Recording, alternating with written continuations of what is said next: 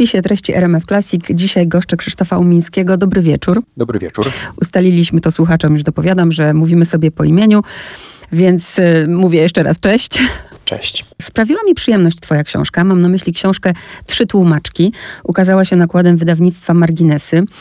Czytałam jak, nie wiem, jak jakąś XIX-wieczną powieść, bo na takich się wychowałam, więc y, polecam. Trzy tłumaczki opowieść o Marii Skibniewskiej, Joannie Guze, Joannie Guze i Annie Przedpełskiej-Trzeciakowskiej. Trzech wielkich, wybitnych polskich tłumaczkach, ale nie tylko. Widzę, widzę tę książkę też szerzej o tłumaczach. W ogóle ty też jesteś tłumaczem, więc wypytam cię m, też trochę o pracę tłumacza. Ale najpierw przyznam się do, do czegoś, za co mi wstyd. No, no może, może nie aż tak bardzo już dzisiaj, bo rozumiem i dlatego ciebie chcę o to zapytać. Jak ja czytałam Buszującego w zbożu, pamiętam, miałam kilkanaście lat i to było... To było coś wow dla mnie. Ja nie spojrzałam, naprawdę, mając tych kilkanaście lat, nie spojrzałam na to, kto tłumaczył tę książkę. Powiedz, czy ty, jak miałeś naście lat i czytałeś książki, już patrzyłeś na tłumaczenia, czy, czy, czy miałeś podobnie jak ja? Wydaje mi się, że miałem podobnie jak ty. To znaczy, nie, nie, znałem nazwisk tłumaczy, nie zwracałem na to za bardzo uwagi, natomiast zdarzało mi się, i o tym jest e, wspomniane w książce, zdarzały mi się takie olśnienia, że dochodziło do mnie, że tekst, który czytam, e, jest przekładem. Tak na przykład było, kiedy jako dziecko przeczytałem Trzech Muszkieterów w tłumaczeniu Joanny Guze, a potem ktoś mi podarował ciąg dalszy 20 lat później i coś mi nie pasowało. Szybko się zorientowałem, że przydomki, które noszą służący trzech muszkieterów, właściwie czterech muszkieterów, w wersji z 20 lat później zostały spolszczone przeciwieństwie do trzech muszkieterów. I to mnie raziło i wtedy, wtedy sobie uprzytomniłem, że to jest przekład i wydaje mi się, że chociaż naprawdę nie, nie towarzyszyła temu żadna, żadna dorosła refleksja, ale że wtedy też odnotowałem w głowie nazwisko Janny Guze, a hmm. nazwisko Marii Skibniewskiej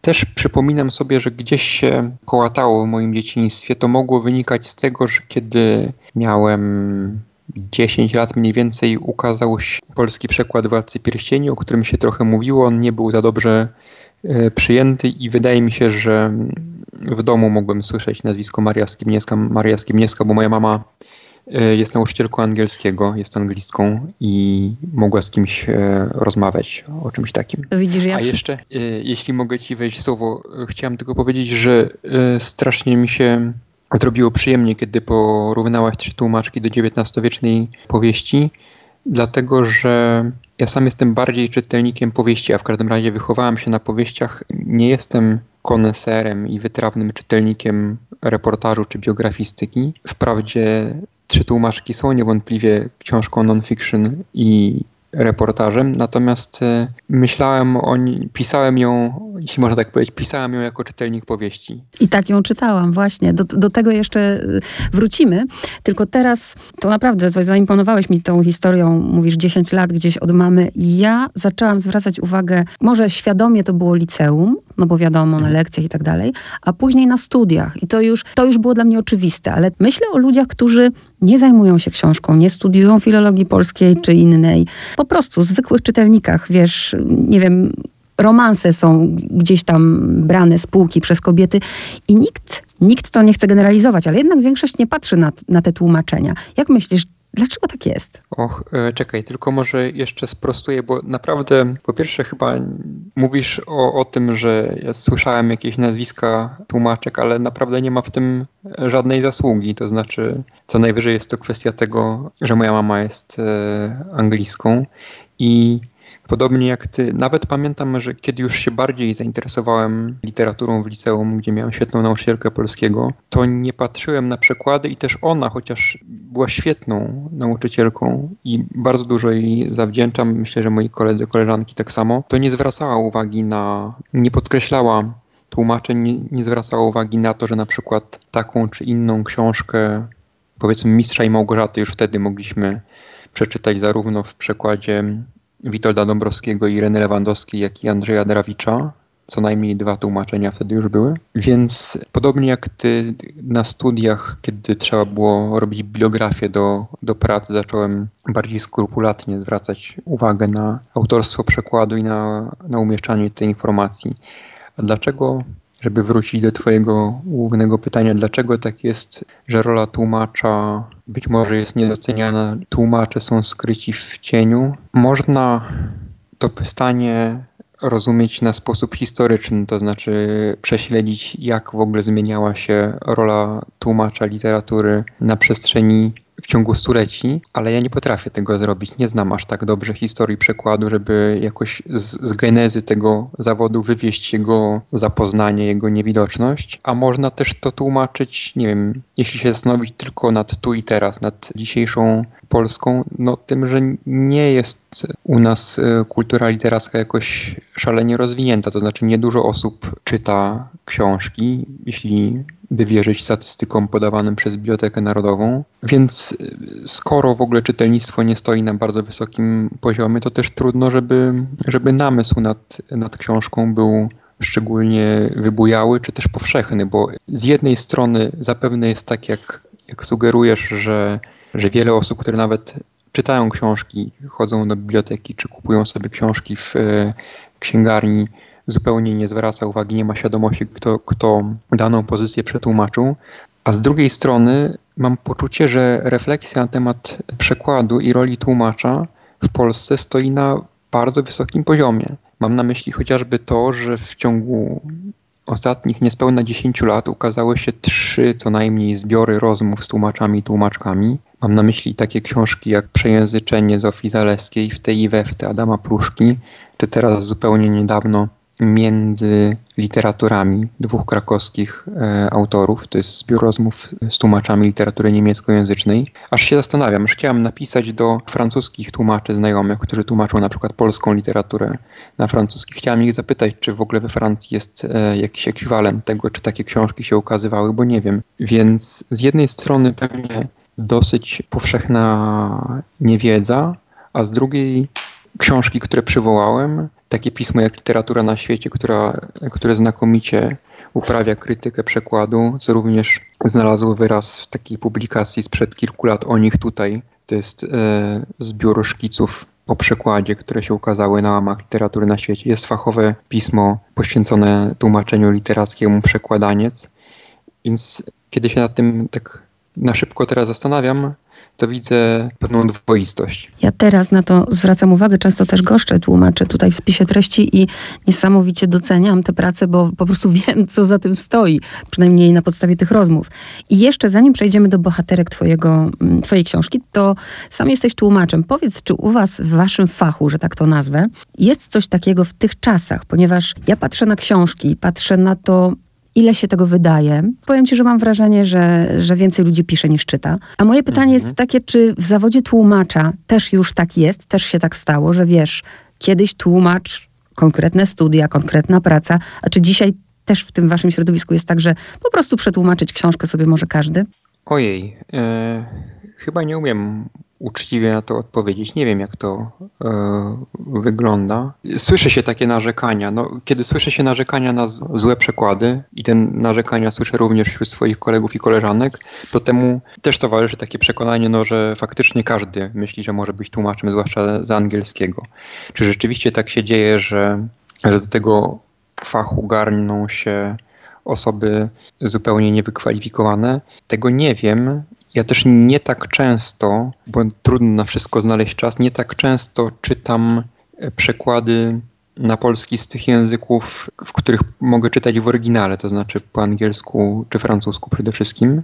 A kiedy czytam, nie wiem, przekłady z literatury włoskiej, niemieckiej, to zwykle to są przekłady yy, wykonane przez mistrzynie tego fachu. Zmierzam do puenty. Nie tak często mam styczność osobiście z bardzo słabymi tłumaczeniami na polski, chociaż wiem, że, że one istnieją od czasu do czasu, się robi głośno wobec jakiegoś e, wokół jakiegoś przypadku. Natomiast e, wspomniałaś o specjalistycznych e, studiach. Otóż nie wydaje mi się, że żeby studia filologiczne miały być kryterium decydującym i nie wydaje mi się też, że sam fakt, że ktoś do zawodu tłumacza trafił trochę z przypadku, miałby go dyskwalifikować. Ja sam właściwie w dosyć dziwacznych okolicznościach zacząłem zajmować się tłumaczeniem i utrzymywać się z tłumaczenia e, po tym, jak się okazało, że nie mogę dłużej być kucharzem z powodu choroby skóry. To ciekawe bardzo. Popatrz, cały czas krążę dookoła, ale to jest y, jeszcze takie pytanie. No mam wrażenie, to też wynika, jak czytam twoją książkę. No mieliśmy inne czasy. Wiadomo, że zagranica to było... I, i, I ci ludzie, którzy tłumaczyli książki, no to albo je odkrywali sami, albo dzięki właśnie pisarzom. Czyli krótko mówiąc, ktoś musiał kochać czytać, żeby trafić na coś i żeby stwierdzić, że tak chcę, żeby to przeczytali też w naszym kraju. Dzisiaj mam wrażenie, bo też pytam cię o to teraz, jak trafiają do ciebie książki i czy u was w zawodzie, w zawodzie tłumacza jest taka rywa rywalizacja, nie? Bo na przykład kiedy, nie, niedawno gościłam tu pisarza i on mówi, no chciałem napisać książkę właśnie o przełęczy Diałtowa i tak się bałem, że ktoś mi wskoczy z tym samym tematem. Czy u was jest taka walka na przykład o to, ojej, jest, jest taka książka i chcieliby ją wszyscy przetłumaczyć.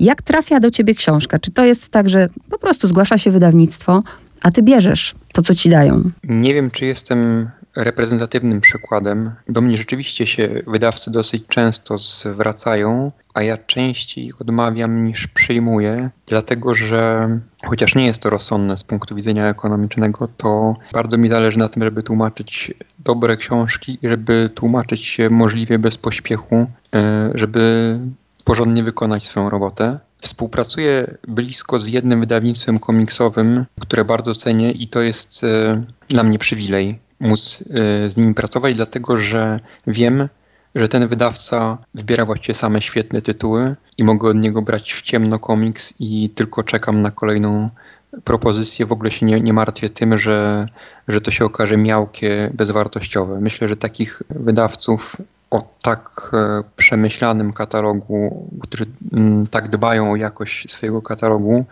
że propozycja od nich jest już gwarancją czegoś ciekawego, jest bardzo nie, niewielu. Myślę, że najczęstszy wzorzec wśród tłumaczy, dla których to jest podstawowy zawód, podstawowe źródło utrzymania, to jest taki, że po prostu przychodzą kolejne propozycje i się je przyjmuje i tłumaczy i raz się trafia lepsza książka, raz gorsza, raz coś potwornego zupełnie, a w miarę jak wyrabiamy sobie reputację, to, to dostajemy ciekawsze propozycje. Natomiast we mnie największy szacunek budzą tacy tłumacze, którzy sami próbują inicjować wydanie jakiejś książki w Polsce, odkrytej albo wśród rzeczy zupełnie nowych, albo przeciwnie w przeszłości. Tak pojęta rola tłumacza, jako kogoś, kto próbuje kształtować obieg literacki w swoim języku, w swoim kraju, budzi we mnie największy szacunek. Co ciekawe, taka postawa wydaje mi się, że jest e, oczywiście częściej spotykana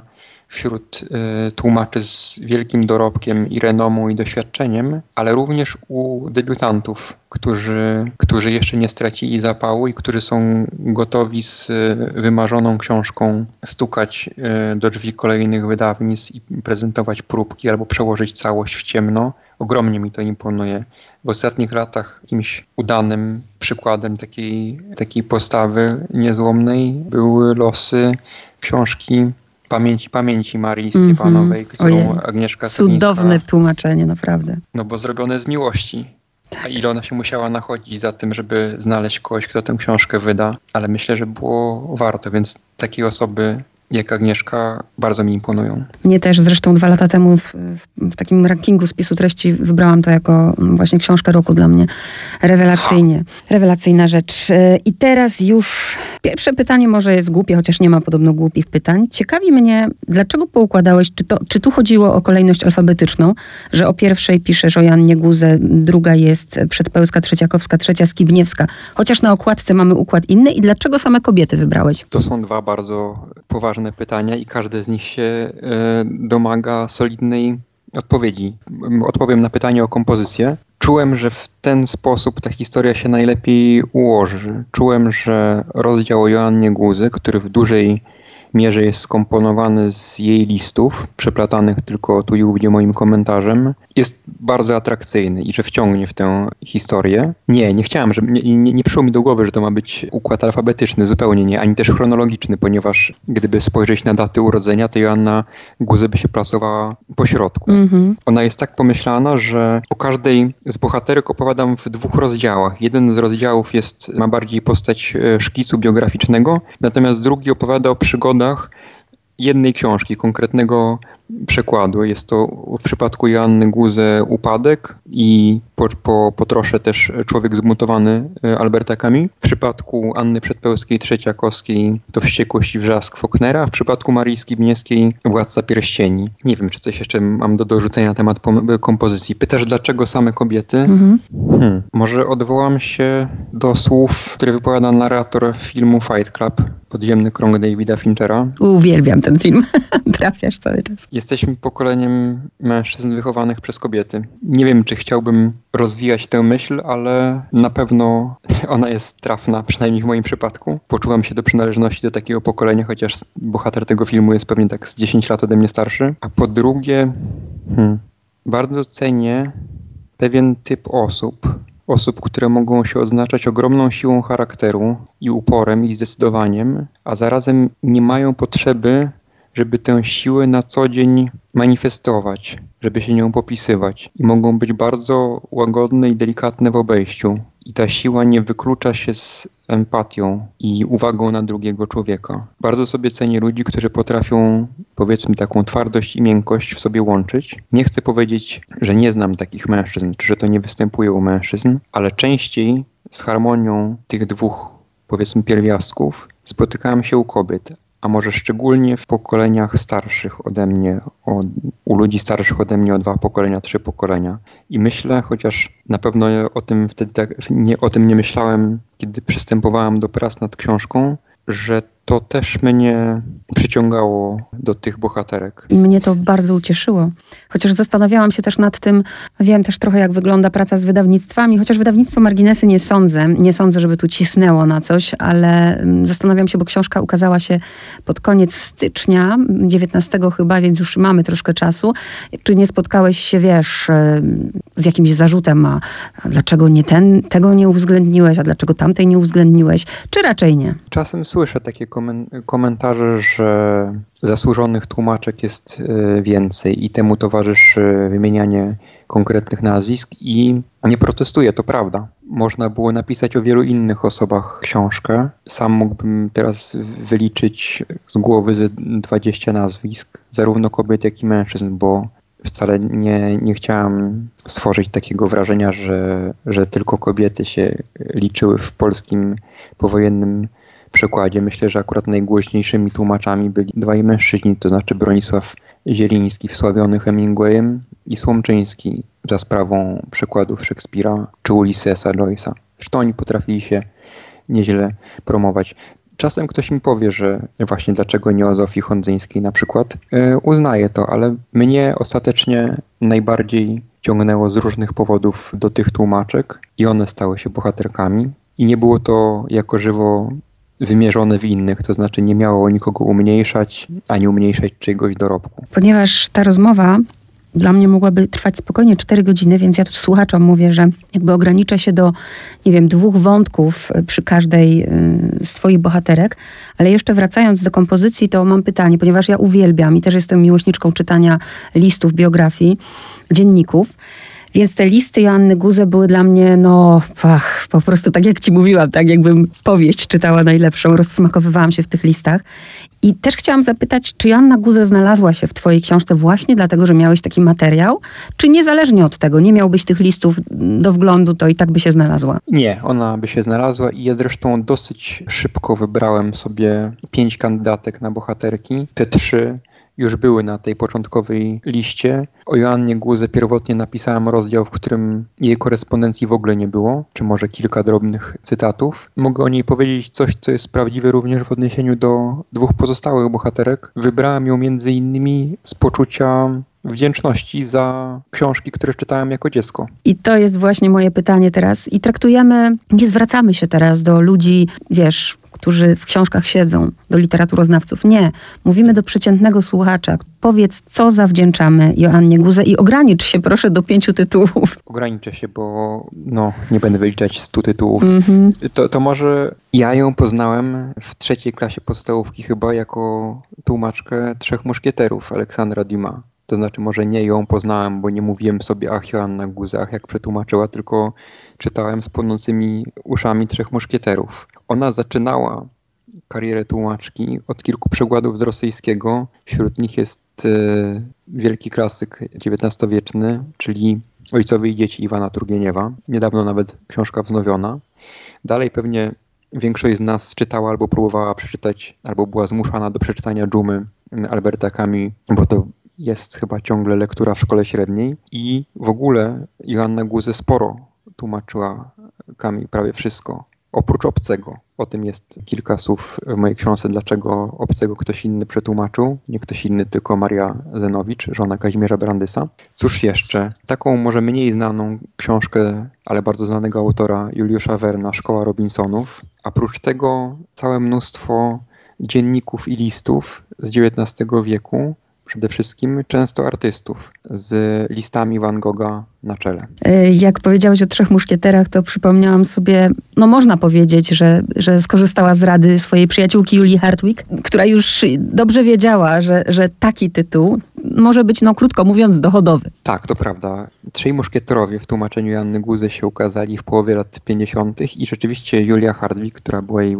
najbliższą przyjaciółką wówczas, zapewne z trochę większą trzeźwością i pragmatyzmem patrzyła na życie. Ona zachęciła Joannę Guzę, żeby przetłumaczyła powieść bardziej popularną. No, Joanna Guzę bardzo wysoko celowała. Wtedy to właściwie chyba tylko Bodlera chciała tłumaczyć. Dała się namówić na trzech muszkieterów i rzeczywiście kolejne wznowienia, już nie wiem ile ich było, ale tak z dziesięć spokojnie, były istotnym istotną pozycją w jej budżecie domowym. I tutaj przy niej chcę jeszcze dwa pytania zadać. Mianowicie zaimponowała mi, o ile ja dobrze pamiętam, bo jak coś to mnie popraw. Kiedy piszesz o jej pobycie w Paryżu i ona w tym Paryżu w ogóle widzę ją biegającą po tych wystawach, teatrach, spotykającą się, ale z tego co zapamiętałam, ona nauczyła się tego języka w 18 miesięcy.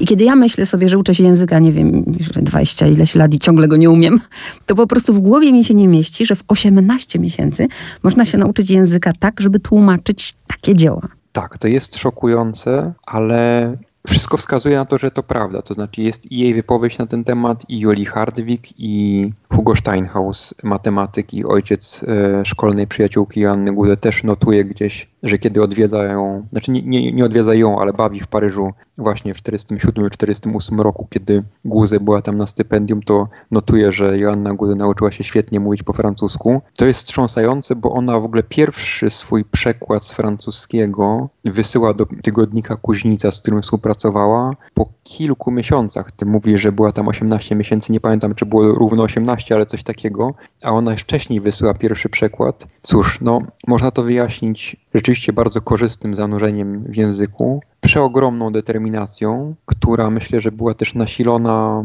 głodem kultury po, po wojnie, po pobycie w głębi Rosji Sowieckiej. A jeśli chodzi o predyspozycje intelektualne, no cóż, ona kończyła dobre lwowskie gimnazjum. Tam e, we Lwowie studiowała też historię sztuki i filozofię na Uniwersytecie Jana Kazimierza. Uczyła się łaciny i uczyła się jej z takim skutkiem, że będąc na stypendium w Paryżu dorabiała sobie, dając lekcje łaciny w szkole polskiej w Batignol, a może już wówczas nie w Batignol, a znajomość łaciny, no jak łatwo się domyślić, jest bardzo przydatna przy nauce francuskiego. Ale tym bardziej może zaskakuje to, że ona francuskiego nie znała, że jej matka była nauczycielką francuskiego. Więc nieznajomość francuskiego u córki romanistki też może coś mówić o stosunkach między tymi dwiema osobami. Ale nie wiem co, bo nie ma świadectw. I ostatnie pytanie, dwa pytania w ogóle się będą powtarzały przy każdej e, z bohaterek. To jest takie pytanie, wiem, że trudne, ale, ale chcę je zadać. Mianowicie powiedziałeś też, że one znalazły się właśnie z wdzięczności, że to są te książki, które czytałeś, ale już jako tłumacz, już jako dorosły człowiek, jako osoba, która profesjonalnie się tym zajmuje, to powiedz, jakbyś miał wymienić trzy rzeczy albo dwie chociażby, które w pracy tłumacza, y, z których korzystasz y, z tego, co Joanna Guze wniosła do tego świata tłumaczeń, to co by to było? Och, to jest coś bardzo banalnego. Znaczy, to jest banalna obserwacja, a, a przedmiot obserwacji nie jest banalny. To znaczy, tylko mnie utwierdziło patrzenie na jej życie, że absolutnie kluczową cechą w tej pracy jest e, wytrwałość i wytrzymałość, również fizyczna, i gotowość do bardzo żmudnej pracy i do tego, żeby powracać do tego samego zdania, do tego samego akapitu po wielekroć. Nie ma w tym nic efektownego, ale ale właśnie taka jest odpowiedź na twoje pytanie. Teraz przejdę, właśnie nie trzymam się chronologii, chronologii tak jak jest w książce, dlatego idę teraz do Marii Skibniewskiej, bo na końcu jakby zostawiłam sobie Annę Przedpełską Trzeciakowską, która żyje jako jedyna z nich. A co do Marii Skibniewskiej, to właśnie to pierwsze pytanie się powtarza i ja już na zawsze zapamiętam, że to jej zawdzięczam buszującego w zbożu, a powiedz słuchaczom też tak znowu z cztery tytuły, co zawdzięczamy. Marii Skibniewskiej. Władca Pierścieni oczywiście i Ale też na przykład e, Grama Greena, Nasz Człowiek w Hawanie, Henry'ego Jamesa, Portret Dany, Damy i ambasadorów. Człowiek, który był czwartkiem Chestertona. Cóż jeszcze? No, opowiadania Flannery O'Connor, które zdaje się na nowo zdobywają czytelników w Polsce. I na przykład ja osobiście strasznie lubię takie opowiadanie Samotność długodystansowca angielskiego autora Alana Siltow. Bardziej znany jest e, film Tonego Richardsona, ale ponieważ dużo osób w Polsce biega teraz, to im wszystkim szczególnie polecam samotność długodystansowca. Zaimponowało mi to, jak napisałeś od razu w pierwszym zdaniu, że gdyby te książki przetłumaczone ułożyć jedną na drugiej, wyrosłaby sterta wysokości 208 cm. Wiem, bo zmierzyłem. Tak, to było rzeczywiście trochę kłopotliwe, ponieważ niektóre z tych książek e, oczywiście mam w domu, ale niektóre są trudno dostępne, więc żeby móc je zmierzyć, spędziłem chyba 5 dni w Bibliotece Narodowej, gdzie wówczas e, jeszcze przed pandemią można było zamawiać po 5 książek naraz. No więc zamawiałem 5 książek, mierzyłem je, wpisywałem do tabelki w Excelu, zamawiałem następnych 5, one przechodziły po trzech kwadransach. No jest to jakiś sposób na spędzanie czasu. Ale cudownie, że to powiedziałeś, bo popatrz, napisałeś to w jednym zdaniu, wiem, bo zmierzyłem i ktoś no mógłby no nie wiem, no sobie to po prostu wyobrazić, że, że masz je wszystkie naraz, e, a tutaj pokazujesz, ile pracy też w to włożyłeś. To pięć dni twojego, twojej pracy. Nie? Tak, żeby napisać jedno zdanie o tym, że książki e, łącznie mają 208 centymetrów. Tak jest, szacunek.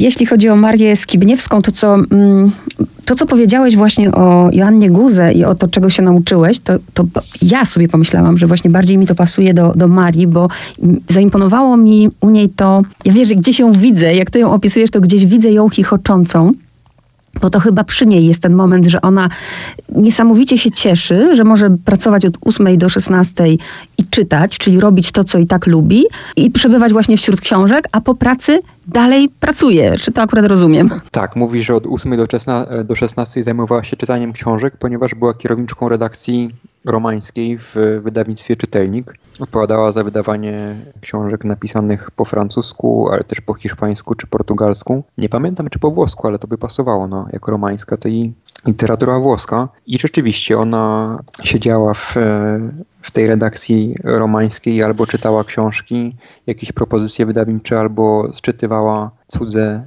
redagowała cudze przekłady, a potem wracała do swojego domu na Saskiej Kępie, gdzie mieszka zupełnie sama.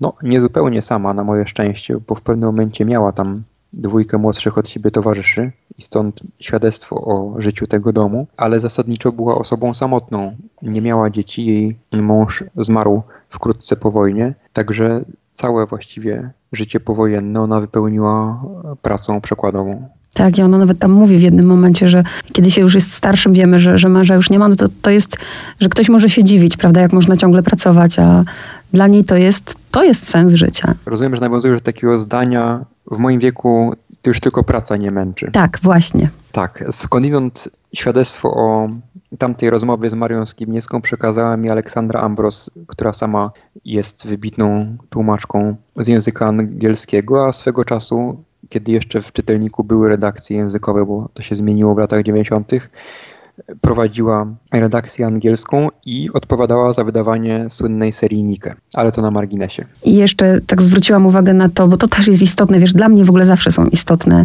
właśnie listy, jakieś zapiski i zdjęcia. I ja tak się każdej z tych bohaterek przypatrywałam. Gdzieś zawsze mam coś takiego, jak nie wiem, patrzę tam na zdjęcie, gdzie Joanna Guze siedzi, w środku Julia Hartwig, jakie były młode i myślę o tym, one tam siedziały realnie, one miały swoje plany, marzenia i później widzę te stare kobiety i widzę tą y, Marię Skibniewską, która ma takie grubaśne okulary i sama wiem jak ja, jak zdejmę okulary, ja nic nie widzę i mhm. to jest mój największy lęk, powiem ci. Taki lęk, że kiedyś nie będę mogła czytać. A ona właśnie też opisujesz to, że ma tak kiepski ten wzrok, że ludzie ją nawet widzą, jak jak ona gdzieś zagina te książki i do światła, bo naprawdę miała z tym już problem. Tak, to prawda. Może tylko uściślę, że to nie ja, znaczy to ja piszę, bo ja zapisałem te słowa na kartce, natomiast ponieważ mm, Maria Skimniewska była osobą tak oddaną pracy i tak wycofaną, to jeszcze mniej pozostało po niej świadectw niż zwykle pozostaje po tłumaczce.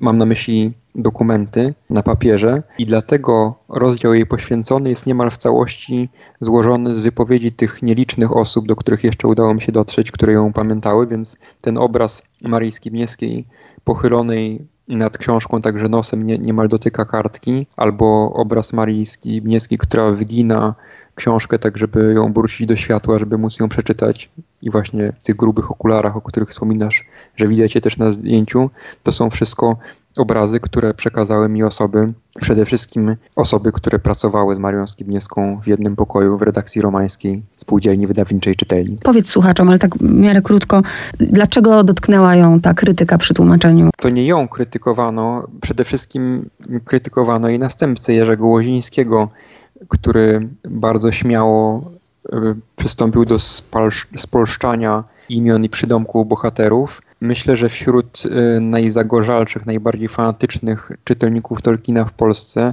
panuje konsensus, że Maria Skimniewska jest jego najlepszą y, tłumaczką i zostawia konkurencję daleko w tyle. Niemniej, co jest w ogóle częstym zjawiskiem w przypadku książek fantastycznych, a może szerzej książek kultowych, które mają fanatycznie oddanych czytelników, ponieważ te przekłady były tylekroć y, czytane przez różnych pasjonatów i sczytywane mm, zdanie po zdaniu z oryginałem, y, zauważono gdzie niegdzie jakieś zdanie, które się zagubiło, czy kilka słów, które się zagubiło.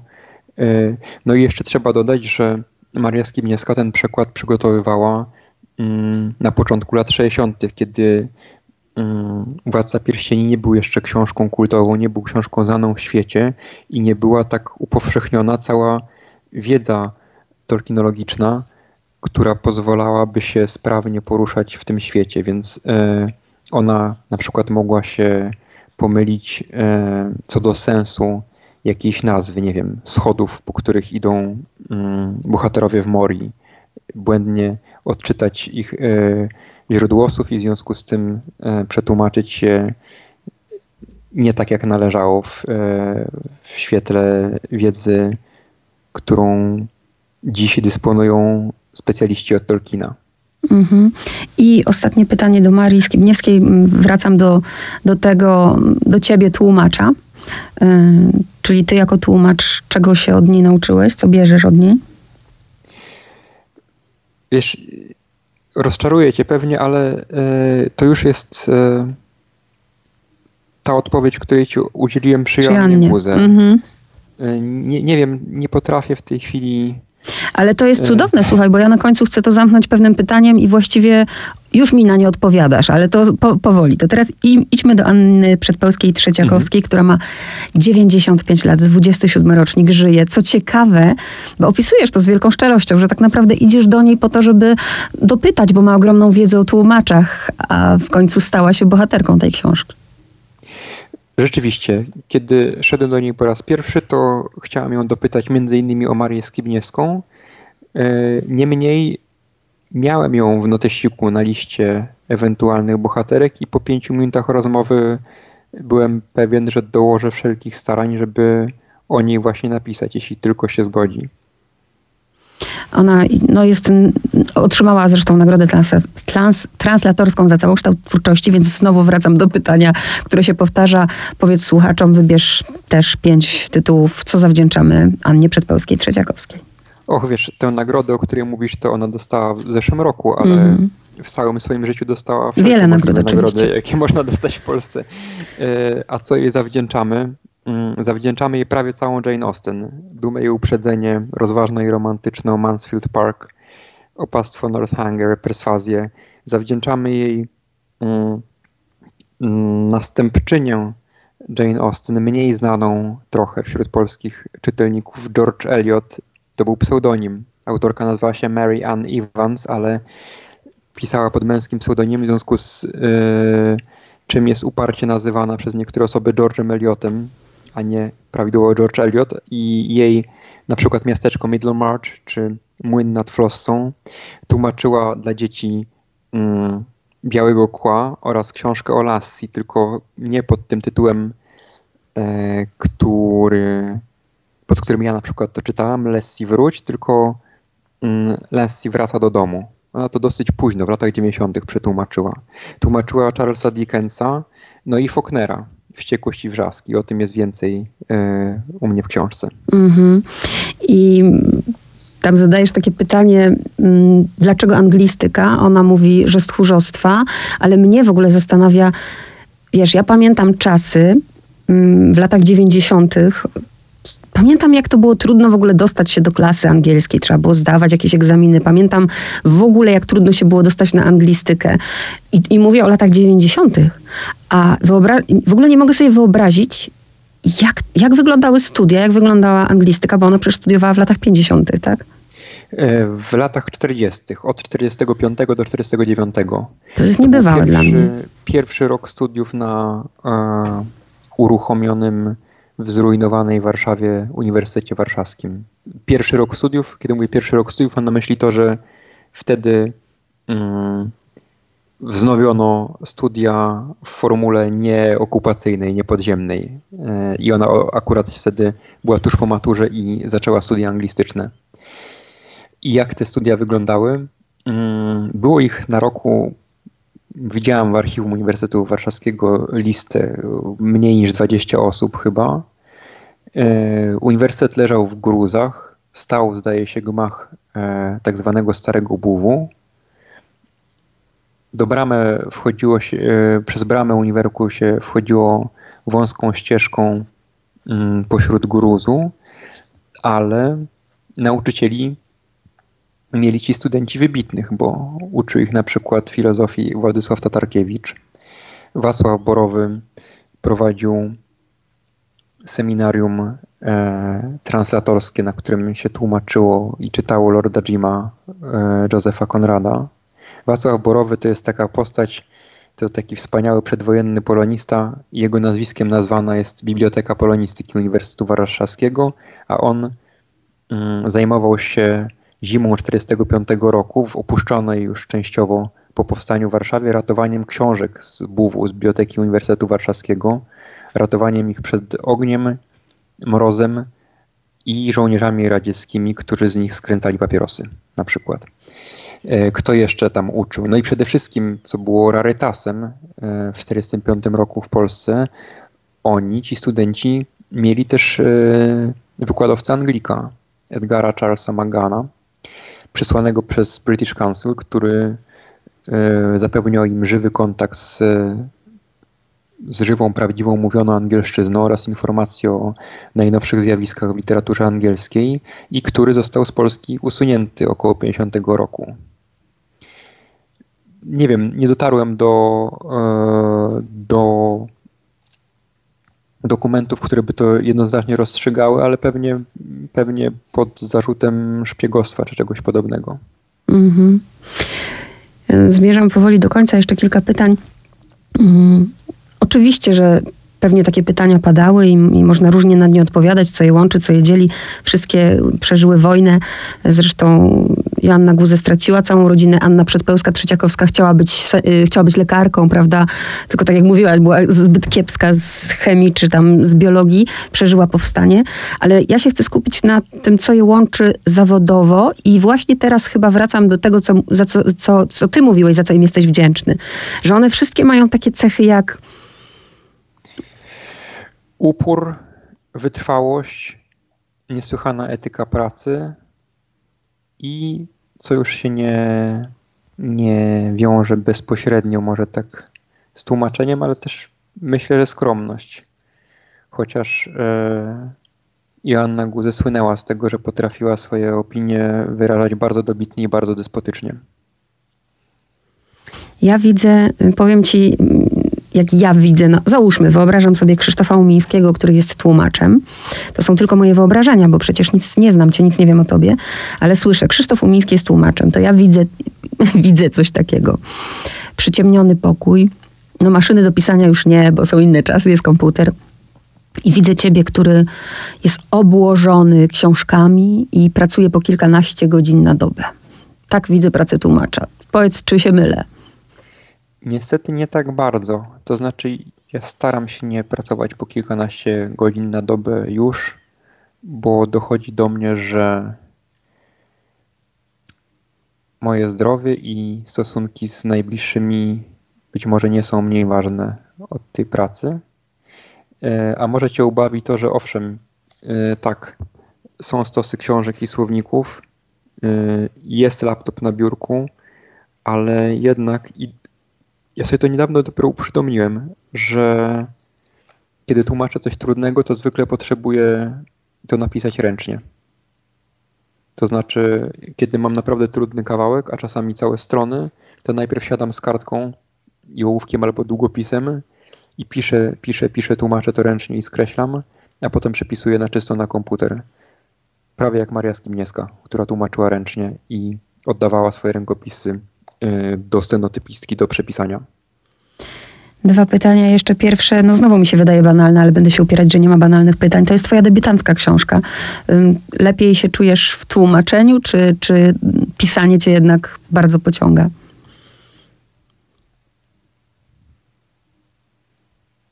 Och.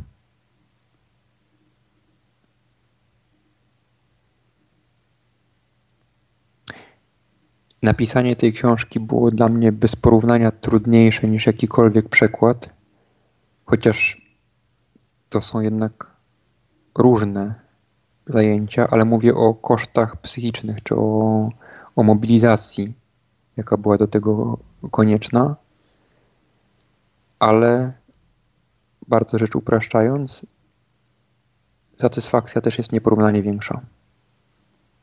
Przy czym nie chciałbym, żeby to prowadziło do jakiegoś wartościującego mm, wniosku, że uważam, że pisarze są lepsi, lepsi, że są lepszymi ludźmi, bardziej wartościowymi czy kulturotwórczymi e, od pisarzy. Nie, nie, nie, nic z tych rzeczy.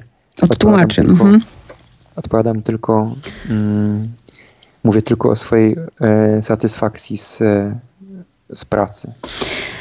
A to, co mi dało satysfakcję, to jest moje ostatnie pytanie i też chcę zapytać, czy to tak wypłynęło, czy to był jakiś plan, bo nawiązuje do tego, że tak jak żeśmy na początku powiedzieli, że na tych tłumaczy się nie zwraca uwagi, że oni są tacy, tacy w cieniu, że ich nie widać, e, że oni właśnie mm, no, nie chcą wychodzić przed szereg, a ty zrobiłeś coś takiego, ja się nawet zastanawiałam, do jakiej kategorii tę książkę włożyć, bo ona tak do końca nie jest reportażem, ale to, co mi się bardzo spodobało, bo w reportażach też, też, też tego reportażysty nie widać, nie? On się chowa. A ty cały czas komentujesz, nawet właśnie dopowiadasz. Jesteś, po prostu ty jesteś w tej książce, to jest twoja książka, to jest jakby twoja opowieść o tych trzech tłumaczkach.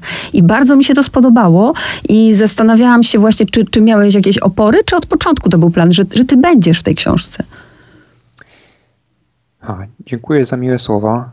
E, miałem opory przez dwa lata. Wydawało mi się, że nieprzezwyciężone.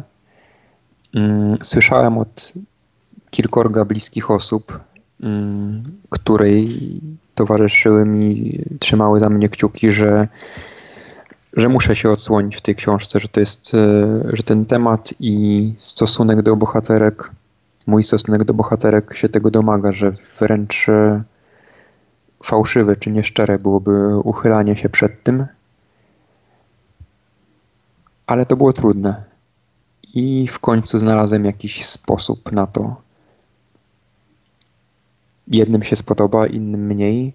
Swoją drogą zauważyłem, że mm, kiedy do mnie trafia, e, docierają pierwsze komentarze na temat książki, że często się podkreśla to, że, że ja tam jestem, że są nawet y, jakieś urywki z, z mojego życia i chciałbym to sprawdzić na nowo, ale y, ponieważ y, nie czytałem tej książki już kiedy, kiedy się ukazała na papierze, ale z moich planów kompozycyjnych ja mam metodę jeszcze zaczerpniętą z pracy nad scenariuszami, to znaczy, że mam dużo kolorowych karteczek na, na tablicy korkowej i kolor tych karteczek wskazuje o jakiego bohatera chodzi albo jaki wątek i, i one się układają w taką wielopoziomową strzałę czasu. Otóż wydaje mi się, że tych akapitów ściśle autobiograficznych jest mniej niż 10 w książce na ponad 300 stronach. Muszę to sprawdzić na nowo, czy nie opowiadam jakiś głupot, ale wydaje mi się, że jednak w miarę dobrze pamiętam, co napisałem. Krzysztof Umiński był moim gościem. Dziękuję bardzo. Dziękuję. I teraz już um, offline, przepraszam cię, bo całą godzinę ci zajęłam. Y, w porządku.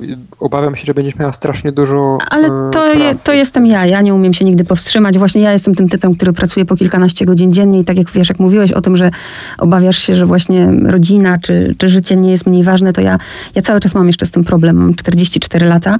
Widzę, że dużo tracę, nie? Ale właśnie praca jest jakby sensem i ja nigdy się nie umiem zatrzymać. Nie, nie myślę, wiesz, właśnie wiem potem dopiero klnę, jak mam ciąć, nie? Rozmowę, która ma godzinę, ale zatrzymać się nigdy nie umiem. Bardzo się cieszę w ogóle, że cię poznałam, no i mam nadzieję w kontakcie. Powiedz mi proszę, e, RMF Classic ma tak. siedzibę w Krakowie, dobrze tak. mi się wydaje? Tak, na okay. Kopcu Kościuszki. Będziesz w najbliższym... Tak, będziesz w najbliższym odcinku w spisie treści. Dam ci, to, to brzmi bardzo tak, brzmi, brzmi dobrze, że dam ci całą godzinę, ale to są trzy wejścia, chyba najdłuższe, jakie mam w programie, po 3,5 minuty, więc wybieram, wybieram sobie, a na podcaście jest cała nasza rozmowa i, i link do niej. Po prostu, jak sobie, nie wiem, we wtorek za tydzień, bo to za, zawsze zamieszczam w podcasty wieczorem w poniedziałek, sobie wpiszesz Krzysztof Umiński, RMF Classic, czy spis treści, to już ci wyskoczy bez problemu, nie? a w audycji Aha. będziesz o godzinie 13. Mm, od 13 do 14. Od 13 do 14 tak. w jaki dzień? Poniedziałek. Poniedziałek, audycja spis treści. Bardzo Ci dziękuję. Ja też bardzo Ci dziękuję i wszystkiego dobrego i do, do następnego. Wszystkiego dobrego, trzymaj się. Pa.